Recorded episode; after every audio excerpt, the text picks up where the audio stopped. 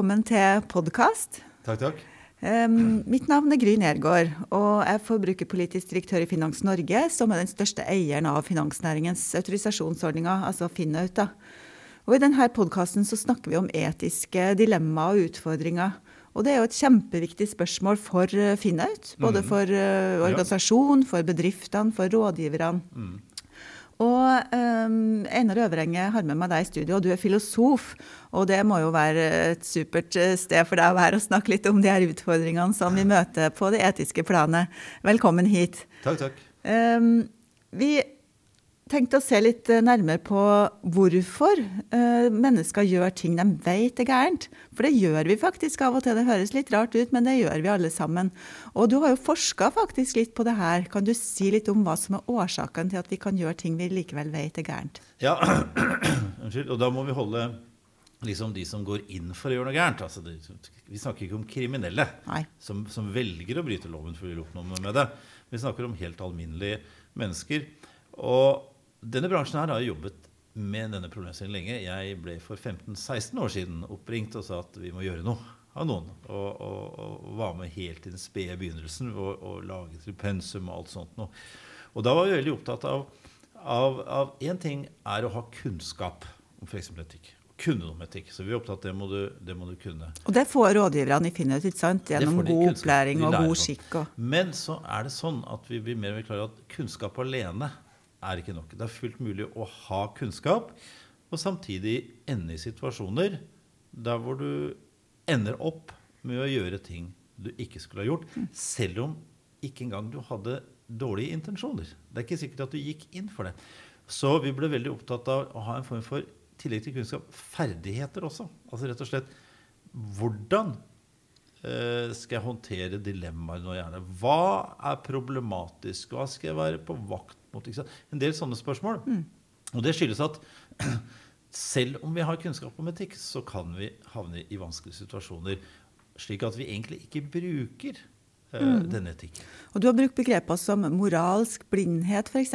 Hva, hva betyr det? Ja, en grunn til at vi kan havne i sånne situasjoner, er at vi rett og slett ser ikke problemet. Altså, vi, vi, vi ser ikke at vi har et problem. Mm. Eh, kanskje alle andre ser det. Eller hvis du ser det beskrevet på forsiden av avisen, så mm. ser du det. Men i den situasjonen du er i, så ser du det ikke. Og da bruker vi et begrep som eh, er engelsk, som ikke er så godt, som kalles framing. Altså Vi er så på en måte innforstått i den situasjonen vi er i. Det er så selvfølgelig for oss. Det vi gjør, at vi ikke helt ser det. La oss ta et eksempel. Vi har hatt en del eh, situasjoner nå med medlemmer av regjeringen og folket på Stortinget mm. og disse pendlerboligene. Hvor vi tenker at Vi er ikke sikre på om de nødvendigvis har brutt loven. Det er ikke sånn at vi tenker at de nødvendigvis har gått inn for å gjøre noe gærent heller. Eh, men noen ganger har i hvert fall jeg sittet med en fornemmelse at men, men, jeg opplever at det som har skjedd, ikke nødvendigvis inngir så mye tillit. Og det er veldig problematisk når du mm. først er tillitsvalgt. Mm. Så jeg sitter nå med følelsene Ser dere ikke problemet? Og kanskje de ikke gjør det. At det er så Det, det er litt selvfølgelig. Eh, at de har vent seg til det. At det er en liten kultur for det. At eh, ja, sånn, sånn gjør vi bare. Ja, kanskje du stussa litt på det første gangen du hørte, og så tenkte du å ja, det er sånn man gjør det her. Det er sånn man gjør det her, og at det er litt sånn vanskelig å se, skille mellom den situasjonen og den situasjonen. Um, og man blir så vant til det, så til slutt så ser man ikke problemstillingen, mm. selv om kanskje alle andre ser det, eller folk som ikke er en del av den kulturen, mm. kanskje ser det. Men når du først er en del av det, så ser du det ikke. Og, og det kan tenkes uh, Og det kan være en god måte å Jeg syns ikke det fritar de for ansvar. Jeg syns ikke det legitimerer.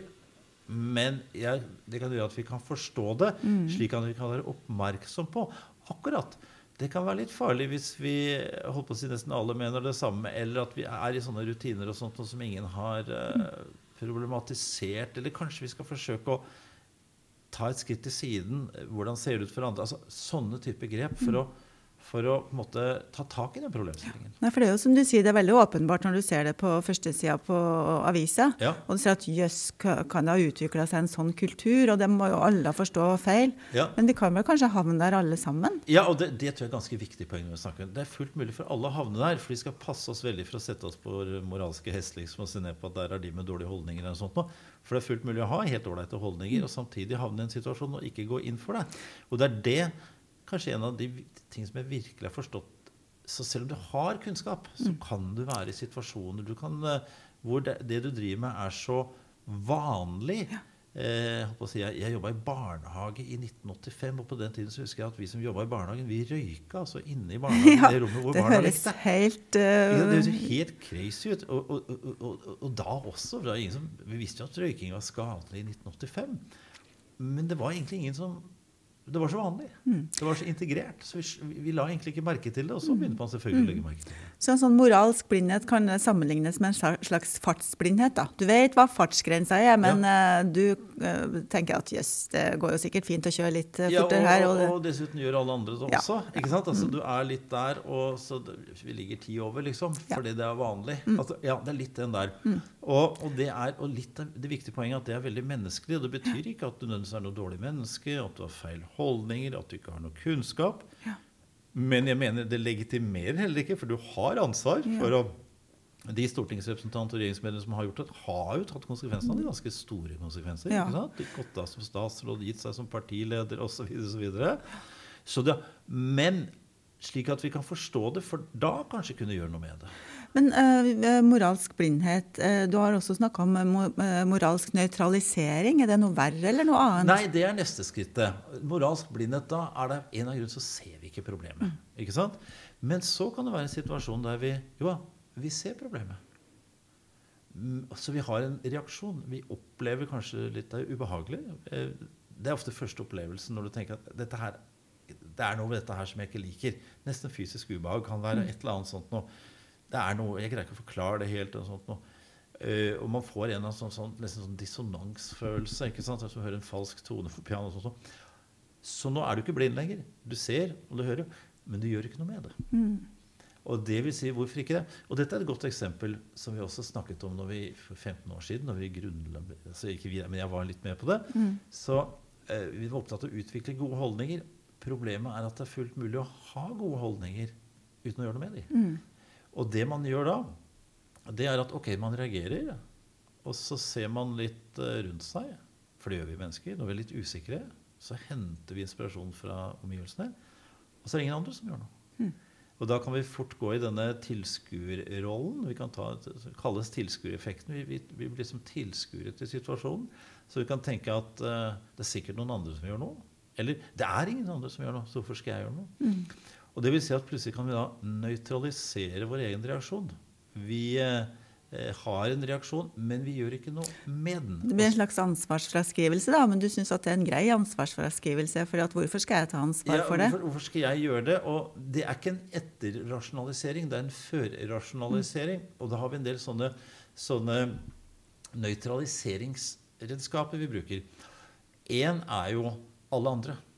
Det er ingen andre som gjør noe, eller alle andre gjør det. Så, ikke sant uh, Idrettsutøvere som sier at altså, Jeg var jo motstander av doping, men, men alle gjorde det. Ja. Så, men det var, og det som er poenget med moralsk nøytralisering, er at du, du oppgir ikke din holdning. Du mener at det fortsatt er galt, men du nøytraliserer den i denne situasjonen. Du sier at det gjelder ikke noe. Og du rettferdiggjør det på en måte, da? Ja, du rettferdiggjør det. Du sier at jeg mener at det er galt. Jeg har møtt uh, mennesker i næringsliv som har havnet i, i hvert fall i gamle dager, i korrupsjonslignende situasjoner, hvor de sier at det er veldig rart, fordi jeg er veldig eh, kritisk og stor motstander av korrupsjon, men jeg havna der. Ja. Eller idrettsutøvere som ender opp med å dope seg, selv om de har noen holdninger som går ut på at ja, men det skal man ikke gjøre. Men det, er det, det som er poenget med moralsk nøytralisering, det er ikke at de da plutselig sier at når det er riktig å dope seg. Nei, det, sier, nei, det er feil i prinsippet. Men det gjelder ikke nå fordi alle andre gjør det. Eller noen andre Det går egentlig ikke ut over noen. Eller eh, andre gjør verre ting. Eh, eller mm. 'Dette har jeg strengt tatt fortjent'. Altså, Ja. ikke sant? Det er sånne nøytraliseringsmekanismer. Så først har du en slags moralsk dissonans. Det er noe her. Og så nøytraliserer du. Og så normaliserer du etterpå. Mm. Og så kan det gli over en etisk blindhet til slutt. da, Ja. ja. når alle gjør det. Ja. Og, og da vil jeg si og, og det betyr igjen helt normale mennesker som til og med kan ha de beste holdninger. Mm. Men de settes ut av spill. Og kanskje en av de sterkeste eh, grepene der er jo dette med konformitet. ikke sant? Det alle andre gjør. Ja.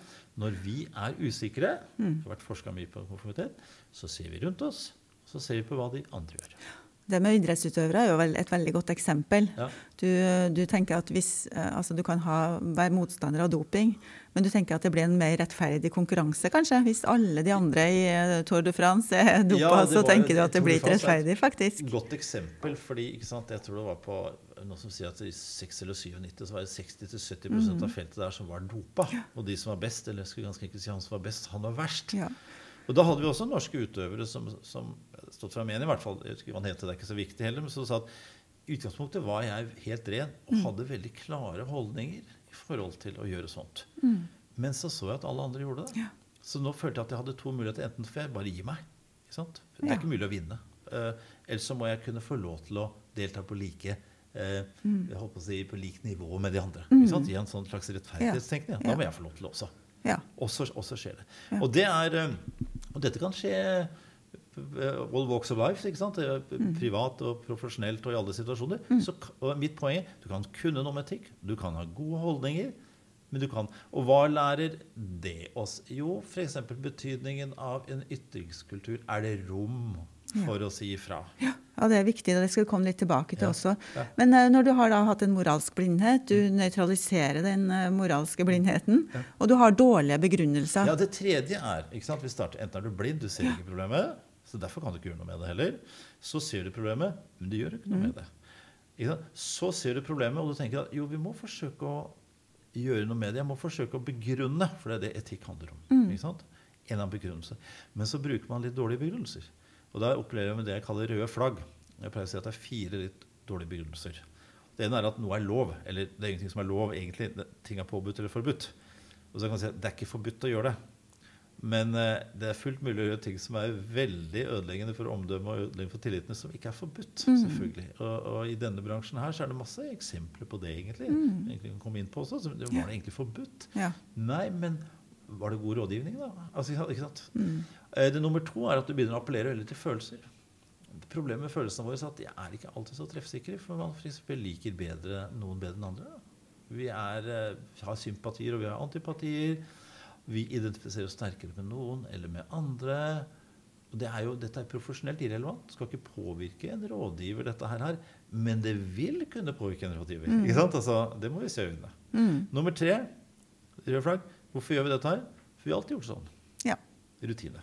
Det er ganske vanlig Ganske for oss vanlig. mennesker å ta den. Vi er veldig glad i rutiner, for det skaper stabilitet i Ja. livene våre. Og nummer fire alle andre gjør det. Ja. Konformitet.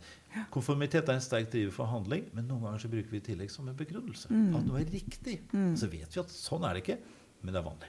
Så der er jo liksom tripp, ikke sant? Vi har etikken der, vi kan ha holdninger, vi kan ha kunnskap Mm. om det, men vi går ikke inn i det rommet, enten fordi vi er blinde, vi ser ikke problemet, Mm. Eller vi ser det, men av en eller gjør vi ikke noe med det, eller vi forsøker å gjøre noe med det, men det er egentlig ikke begrunnelse videre, det er mer ansvarsfraskrivelse. Mm.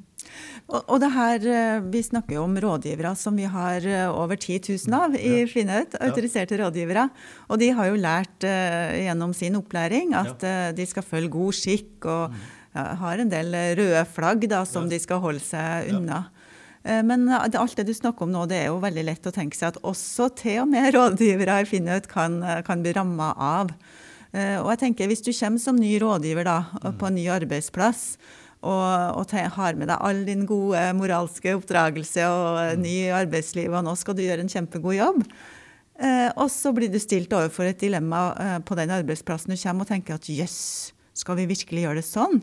Det strider litt mot min eh, magefølelse, altså. Um, hvor lett eh, tror du det er å bli litt moralsk blind i en sånn situasjon? Ja, jeg tror det kan være det. Jeg tror det første er at det som kan slå inn først, er en form for nøytralisering. da. Ikke sant? At du reagerer litt. Og så tenker du naturlig for oss mennesker tenker vi, ja, men det naturlige for oss mennesker er jo ikke å tenke at jeg er flinkere og bedre enn de rundt meg. Det er vanligst sånn at vi tenker at de andre er det. Særlig hvis du er fersk eller ny. Så er det jo sånn. Så er det ikke så rart å tenke ok, dette, dette var litt uvanlig. Men ok, dette er erfarne mennesker. De vet hva de driver med. Og argumenter ofte vi møter, er at jo, men du har virkeligheten, og så har du teorien. ikke sant? Mm. Altså, og dette er virkeligheten. Og sånn er det. Og da er det lett på en måte å slå seg litt i ro med det, og til slutt så glir det over i en form for blindhet, hvor du slutter å se problemet. Eh, jo, og den utfordringen er der, og det er en generell utfordring for hele bransjen. Du kan si hvordan skal vi sikre oss På den andre siden så vil alle si i teorien så er nyansatte mennesker verdifulle, for de legger merke til ting som vi, som vi andre har sluttet å se. Men det skal mye til. Det skal være mye til for å si fra å si første fra. dagen og si Ja. at uh, Ja. hvorfor gjør dere det sånn? Det syns jeg er feil. Ja, og, da er det, og her er det hva slags type ledelse du bedriver, og hva slags type organisasjon du bygger. Greier du allikevel å informere om at uh, det, er, eh, det er god skikk allikevel Ja. å gjøre det? Ja. Vi syns det er bra. Men det, dette er lett å si. Dette er lett å teoretisere over og snakke om. og så vet hvordan det er. Men allikevel, det er ingen andre som kan gjøre det. Er uri, det er et urimelig press å si at det er den nyansatte som skal gjøre noe med det. Mm. Så det no, hvis noen skal gjøre, så kan vi være enige at det er verdifullt at noen gjør noe med det. Mm. Og de som gjør noe med det, det kan ikke være den som er nyansatt. Nei. Så da må det være de andre som gjør noe med Ja, det. nei, jeg husker jo, Selv om det er veldig veldig, veldig lenge siden at jeg var nyansatt, Ja. så husker jeg fremdeles det. At du stiller jo med, med, med blokk og penn og noterer alt som blir sagt om hvordan du skal gjøre ting, og Ja. hva du skal gjøre, og så prøver du å gjøre akkurat det så godt som mulig. Og, og selv om det dukker opp kanskje noen eh, spørsmål underveis om eh, vi virkelig skal gjøre det sånn, og så, så, så prøver du å tilpasse deg da, den arbeidsplassen du kommer, og det miljøet rundt deg. Og det tenker jeg at en god ledelse ville hatt en slags debrief-situasjon. da, Og si til henne at vi skal ha noen samtaler underveis. og så Jeg er nysgjerrig å høre på hva du har opplevd. Er det noe du eventuelt reagerer? Sånt noe. Igjen lett å si. Men, men og, og, og det er mye viktig læring. Det å, å, og notere hva andre gjør. Det er den beste læringen å bli med i praksisen. Det er ikke noe tvil om det. ikke sant? Å lære liksom håndverket i praksis ved å ta etter rundt er den beste form for læring. Men det ligger en fare der, og den må vi være oppmerksom på. Og da hvordan vi ivaretar den. slik at det er faktisk sånn at det er ganske positivt at noen legger merke til at dette her holder ikke vann lenger. på en måte, ikke sant? Måter å gjøre ting på, måter å oppføre seg på. For nye nyansatte vil jo typisk være yngre mennesker og kanskje kunnskap om en annen del av virkeligheten, som den som kommer. Så det er hvordan du greier å ivareta det. Ja, nei, det er jo, Jeg innbiller meg at det må være kjempevanskelig. Det er jo veldig viktig som du sier, å ha en leder da, som virkelig stiller de åpne spørsmålene, og som virkelig gir inntrykk av at det har betydning hva du sier, og at du ikke er ute etter å eh, straffe deg på noe vis. Nei. For det er jo det som er realiteten når du er et avhengighetsforhold som ansatt. da, At uh, det er den du sitter og snakker med, som uh, gir deg oppgavene dine, som skal vurdere deg, som gir deg lønna di. Uh, Og så skal vi huske på det at selv om du er verdens beste leder, da, ikke sant? Som, som vil det vel, som vi vil, da, så er, du, så, så er ikke det selvforklarende, på en måte. Fordi den andre vil nettopp betraktes som en som er i en maktsituasjon for deg. Så du må tydeliggjøre det. Ikke bare si at så, så, jeg straffer ingen, og jeg ikke sant? Nei, det gjør du sikkert ikke. Men du vil som leder møte en forventning om at du er mektig og er i posisjon til å gjøre det. Som gjør at du som leder rett og slett ikke får så god informasjon som du kunne ha fått. Nei, det er helt sant. Jeg har jobba som leder i mange år, og jeg har jo alltid trodd at jeg var en veldig tilgjengelig leder som alle kunne komme og snakke om om alt. Men eh, du, du skjønner jo det etter hvert som du er den siste som får vite om en hel del over ganske mange år, at, at det er ikke sånn. Det oppleves ikke sånn, for det oppleves jo, og med rette, da, Ja. som en som er langt øh, overfor, og, overfor de ansatte, i den forstand at du sitter på øh, og har en avgjørende betydning for betingelsene deres, for arbeidsdagen deres, for arbeidsforholdet deres. Og det er klart at noen er redd for det. Eh, Dessuten så, så er det jo sånn med ledere også at eh, hvis noen begynner å mase for mye om det du syns er riktig sjøl, og det du alltid har gjort, så blir det litt sånn irritasjonsmoment. da. Så, og Ja, det kan en jo kanskje er- vise med et kroppsspråk som gjør at noen eh, da slutter å snakke om det. Ja. Og, og det, det er jo selvfølgelig, ikke sant? Fordi du er jo Du har kommet frem til en form for praksis som du liker godt selv, som du tenker at dette her funker veldig bra, og du er erfaren, og du vet det. Altså, du tviler jo ikke på sånne ting.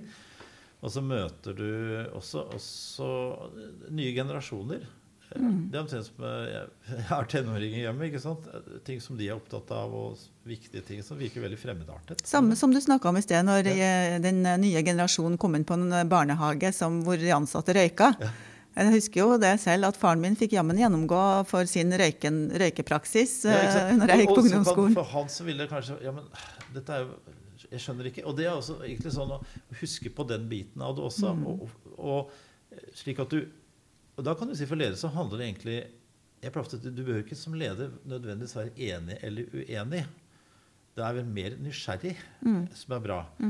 Å Sørge for at du får den informasjonen du trenger. Mm. Og det du ofte trenger informasjon. Men det er jo ikke bekreftelse på det du allerede liker og vet, og hvordan du vil ha det. Selv om vi liker det veldig godt. da. Det du burde være nysgjerrig på, det er jo da andre. Det er sant, det. Men, men du er inne på noe viktig. Det er litt sånn, du, du, du, jobber litt imot det menneskelige på en måte, men, men som leder så må man være klar over det. Men det som er viktig her, er hvem kan gjøre noe med det? Det er det vi må plassere. Det, er, det er ikke sånn at systemet gjør det av seg selv, og det er ikke sånn at den nyansatte er i posisjon til å gjøre noe med det. Og så har du jo-. Du har jo en del arbeidsplasser også hvor, eh, som kanskje belønner da, Mm. eh, på en måte som gjør at de nesten oppfordrer eh, til å, å gjøre ting på en feil måte. Eh, Kanskje ikke, altså systemet er kanskje ikke laga sånn for at folk skal gjøre feil, men folk kan bli frista til å gjøre feil da, fordi at det er satt satt opp et system f.eks. med avlønning og bonus og, og andre Ja, ting. og da er det viktig å si at ok, går det an Fare med det at du havner plutselig i en situasjon der ting står i avisa. ikke sant? Mm, mener? Der du plutselig får det servert. Ja. Og nå ser du problemet. Går det an å lage et tankeeksperiment slik at du ikke slik at det kan være føre var i forhold til dem. Ikke? Og da er det jo et begrep som uh, alle som går gjennom uh, det, uh, etikkutdanning finner ut her, det er jo dette offentlighetsprinsippet. Anta at det du gjør, vil stå i avisen. Anta at det blir offentlig kjent. Hvis du hadde brukt den i forbindelse med pendlerboligene i forkant av at du gjorde det Hvis jeg hadde stilt deg spørsmålet Ok, hvis dette sto i avisen i morgen hva ville vinklingen ha vært på det? Hvordan ville det ha sett altså, ikke sant? Det er en måte å skape litt avstand eller litt distanse, eh, eller endre litt perspektiv, slik at du kan forsøke å forstå det. Så kan du fortsatt, ikke om det er enig eller uenig, men i hvert fall på den måten utvide bevisstheten litt. Mm. Uh, og hvis vi tenker da på en ansatt som, som oppdager at noe er feil, og, og det indre moralske kompasset til vedkommende er så sterkt at den virkelig får problemer med, med den praksisen som er der, eller i hvert fall får lyst til å si fra om det, Mm. så lurer jeg på hvor lett det er. For uh, Finnaut-systemet fungerer jo sånn at, at virksomhetene skal være veldig flinke til å si fra når rådgiverne ikke etterlever god skikk på en god måte. Ikke sant? Da har vi melder man fra, til, til Finnaut, og så har man sanksjoner, og i verste fall mister man autorisasjonen sin òg. Men, men hvor lett er det for rådgivere å si ifra hvis de tenker at virksomheten ikke driver på en måte som en tenker er forsvarlig moralsk, etisk sett? da? Og da, da er vi over i en sånn klassisk problematikk. ikke sant? Enten er vi over i en problematikk som har med ytringskulturen å gjøre. Hva er takhøyden for? I verste fall så er vi over i en varslingsproblematikk. ikke sant? Det siste er det jo liksom ingen som kommer helskinna ut av. ikke sant? Det er, I varslingssaker er det liksom ingen vinnere. Det kan godt hende det er riktig og nødvendig, men det er ingen vinnere. Det, ikke sant? Eh, det er såpass voldsomt. Så da blir det å si at eh, hvordan bygger man en kultur, da? Vi kan godt eh, Hvor man i hvert fall Det er ikke sånn at vi må være enige nødvendigvis, det er ikke sånn at vi, eh, men hvor det i hvert fall er mulig allikevel å eh, si fra om ting på en eller annen måte, uten at vi da skal si ja, er vi i en varslingssituasjon eller noe sånt. For det, det, er, det er noe veldig alvorlig. Og det er undersøkelser som er gjort, dessverre, innenfor den bransjen i, ja, i Skandinavia, tror jeg, så at eh, ønsket om å si fra er fallende, faktisk. Eh, at det oppleves som ja, et par år siden i hvert fall, en sånn som skjer, mindre fristende å si fra. Og det bør man notere seg, fordi alle kan vel i og for seg likevel være enige om å si at hvis det er forhold som oppleves som problematiske nå, så kan du si at enten så er det ikke det, så vi får avklart det. Og det er fint. Eller så er de det. Og da er det bra å få opp det. Altså? Altså, I begge situasjoner så er det eh, greit å kunne håndtere det. Men hvis det tas ut i en sånn varslingssituasjon, så er vi over i noe helt annet. Ja. som, er, som, som er veldig tungt å håndtere. Kanskje er det riktig i noen situasjoner. Men, men jeg, da har vi vært mer opptatt av den ytringskulturbiten. Hvordan man ivaretar den, eh, den muligheten til å, å også liksom få pekt på noe man mener er problematisk, selv om man ikke er i en maktposisjon. Altså. Mm. Det systemet som, som Finnaut har satt opp da, for virksomheter til å melde fra om brudd på god skikk, da får jo virksomheten en slags vurdering da, av sin tolking om, om det virkelig er brudd på god skikk. Eh, men uh, kunne man ha tenkt seg at det fantes noe system for at en rådgiver som lurer på om noen altså ikke vil gå til en formell varsling, men, men kan få prøvd på et eller annet sted, objektivt sett, da, om en rutine kanskje er eh, litt tvilsom eller vanskelig i forhold til god skikk-regelverket, f.eks. Ja, det er jo en interessant måte å gjøre det på, samtidig som man ikke må gjøre det som en sånn sanksjon eller straffeinstrument, Nei, nei. men som en skal vi si, et mer sånn øh, skal vi si, vurderings... Eller, eller sånn fortolkningshjelp eller noe sånt noe. Er dette her uten at det da nødvendigvis betyr at øh, den personen er beredt til å gå ut veldig hardt med det, men rett og slett få avklart hva Ja, Få en veiledning for seg selv. Fordi at. Hvis du først skal gå og si ifra til lederen din, da du syns det er veldig skummelt, eh, lederen eh, sitter på et egen kontor, og du Ja. må gå banke på og gå Ja, inn, og, og den sitter og bestemmer lønna di, Ja. så vil det i hvert fall kunne være en trygghet da, med at du har fått noen til å vurdere saken på forhånd, Ja. istedenfor at du går inn bare og sier at jeg syns og jeg mener og Og så, kanskje ha det mer som en slags bransjeutviklings Mm. eh, forståelse av det, snarere enn som eh, eh, altså, altså riset bak døra, liksom. Ikke, sant? Mm. ikke et sted ikke en anonym varslingskanal. Nei. Ikke den forståelsen av det, men mer en, skal vi si, en sånn uh, fagutviklingsbit. Mm. Man kunne jo tenke seg at man tenkte at uh, de første x antall år som ansatt, så hadde du en sånn mulig kanal eller Mm. et sånt uh, et alumni eller et eller annet sånt som gjorde at det var mulig å ta på luft og sånne ting. Uten at du anga noe. Altså, ikke sant? Ja. For det er det som er det viktige her, å se på dette som, som en form for fagutvikling. Tror jeg. Absolutt. Og, og Finnaut er jo opptatt hele tida av å utvikle eh, altså utvikle hele rådgivningssystemet. da. Ja. Eh, Så, så Finnaut òg vil jo ha vært interessert og fått inn sånne typer dilemma. Vi, vi tenker jo, jeg har hørt på den forrige podkasten òg, at man ønsker jo egentlig å få inn flere saker Mm. til Finnaut for å ta de vurderingene, for å justere hele tida hvor det Ja, ligger for grensa for god skikk. Ja, for dette vil jo typisk være ikke sant, sånn gyllen middelveisproblematikk. Vi snakker ikke om at du oppdager at noen stjeler fra kassa. Ikke Nei. sant? Det er ikke sånne problemstillinger vi snakker om her. Nei. Her snakker vi om at det er, ikke, det er litt uklart. Ja. Er, vi driver og veier, for det er det vi driver med etikken. Vi setter ting litt opp mot hverandre og veier for og imot. og eh, Det kan være argumenter for det kan være argumenter imot. Mm. og sånt noe. Men å utvikle en form for klokskap i forhold til det er bra for bransjen Ja. generelt sett. At folk tenker sånn. Eh, og det kan være ganske snedige problemstillinger innimellom. som allikevel eh, Det kan til og med det kan til og med ligge eh, holdt på å si produktutvikling i, i den tenkemåten der. Ja, ja. Og, og, altså se, se på det på den måten. da. Og så må vi huske at hele Finnaut er lagd nettopp eh, Mm. eh, etter en sånn type stor eh, etikkskandale i bransjen. Absolutt. Vi hadde her utfordringer med strukturerte spareprodukter på 90-2000-tallet. Ja. Hvor, eh, hvor eh, ingen sa fra om at de her strukturerte spareproduktene som alle ville selge mest mulig av, Mm. kanskje ikke var så godt egnet for alle som de skulle selges til. Nei, og Spesielt ikke hvis du kalte deg rådgiver. Nei, ikke sant? Ja. Og der skulle vi nok ha sett at noen varsla på forhånd, sånn at man kunne ha snudd den praksisen Eller- før den nettopp kom på førstesida i alle Ikke, sant? avisene. eller ikke nødvendigvis varsla, men hadde et forum hvor Ja, ja. sa at ok, hvordan eksempel vil det se ut om den her kommer på forsiden Mm. Ja. av avisen? Ikke sant? For det, det fikk jo et voldsomt tidlig spørsmål. Nå skal det sies om denne bransjen her at de tok veldig kraftig rev i seilene Mm. også. Det vil jeg faktisk si. Altså Det er brukt ganske store ressurser på og, og det er fordi finans handler jo ikke om finans. Det handler om barn og skole og hus og liv og Altså, liv, altså er alt, ikke sant? Og da ble det ganske viktig Mm. Ja. å bygge den tilliten. Ja, det er kjempeviktig. Og det, det tok jo, som du sier, da vi etablerte eh, AFR, da, som var den første autorisasjonsordninga for eh, finansielle rådgivere, i 2009, så var jo det et, et, et kjempestort kompetanseløft for mm. næringa, som man tok på seg mm, på frivillig basis da, for å rette opp, eh, litt av det, rette opp det inntrykket som hadde, hadde skjedd uh, gjennom de siste årene. Og styrken ved det er jo at det er veldig mange som har gått gjennom det samme. Mm. Som har fått et felles språk. Mm. Og det er vel ikke så mange som snakker om strukturerte spareprodukter lenger. antageligvis. Glidd litt ut av språket. Mm. ikke sant?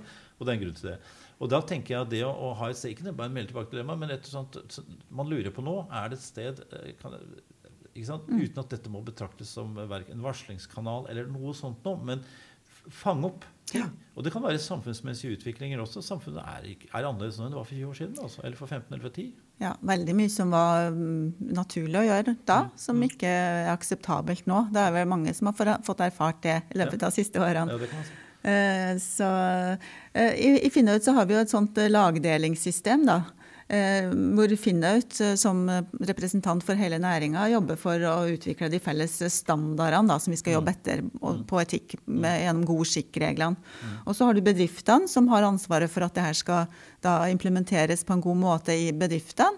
Og så har du de ansatte da, som, som skal etterleve det på en god måte.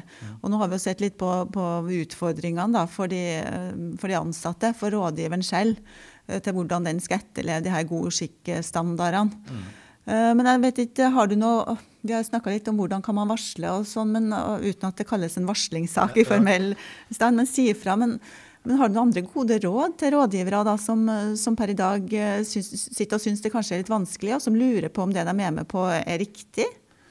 Ja, altså, det, Vi må jo først liksom stikke fingeren i jorda og si at de er i en bestemt type situasjon. ikke sant? I, i, i sin karriere så er man, har man eh, forskjellige typer posisjoner. Og når man er tidlig i sin karriere, så er man ofte kanskje i en, noen sammenheng i en svak posisjon. ikke sant?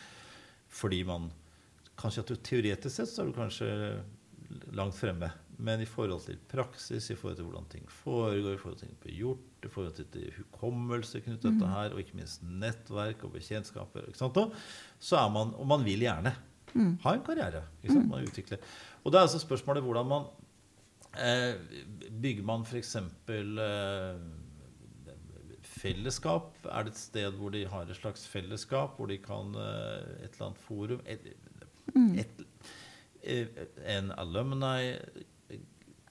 Et eller annet som gjør at Altså Den store problemstillingen, tror jeg, i en sånn situasjon, er at du kan føle deg veldig alene. Ja. Eh, og da er du svak når du er alene.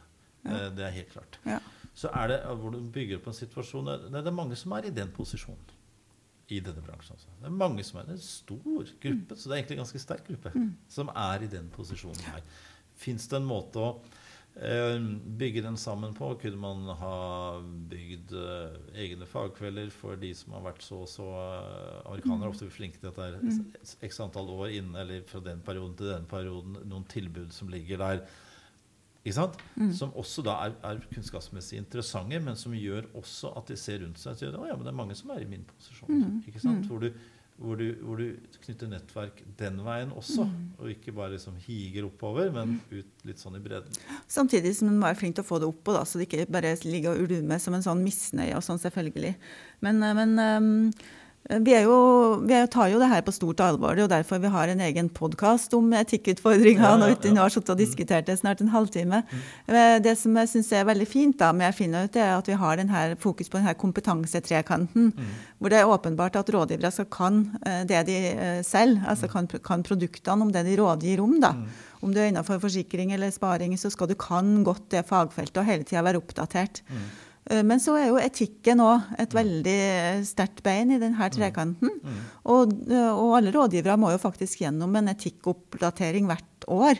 Så vi håper jo for så vidt at det vi sitter og diskuterer egentlig er litt teoretisk, selv om vi, vi skjønner ut fra det du har sagt, og at det er ganske menneskelig å havne i sånne situasjoner.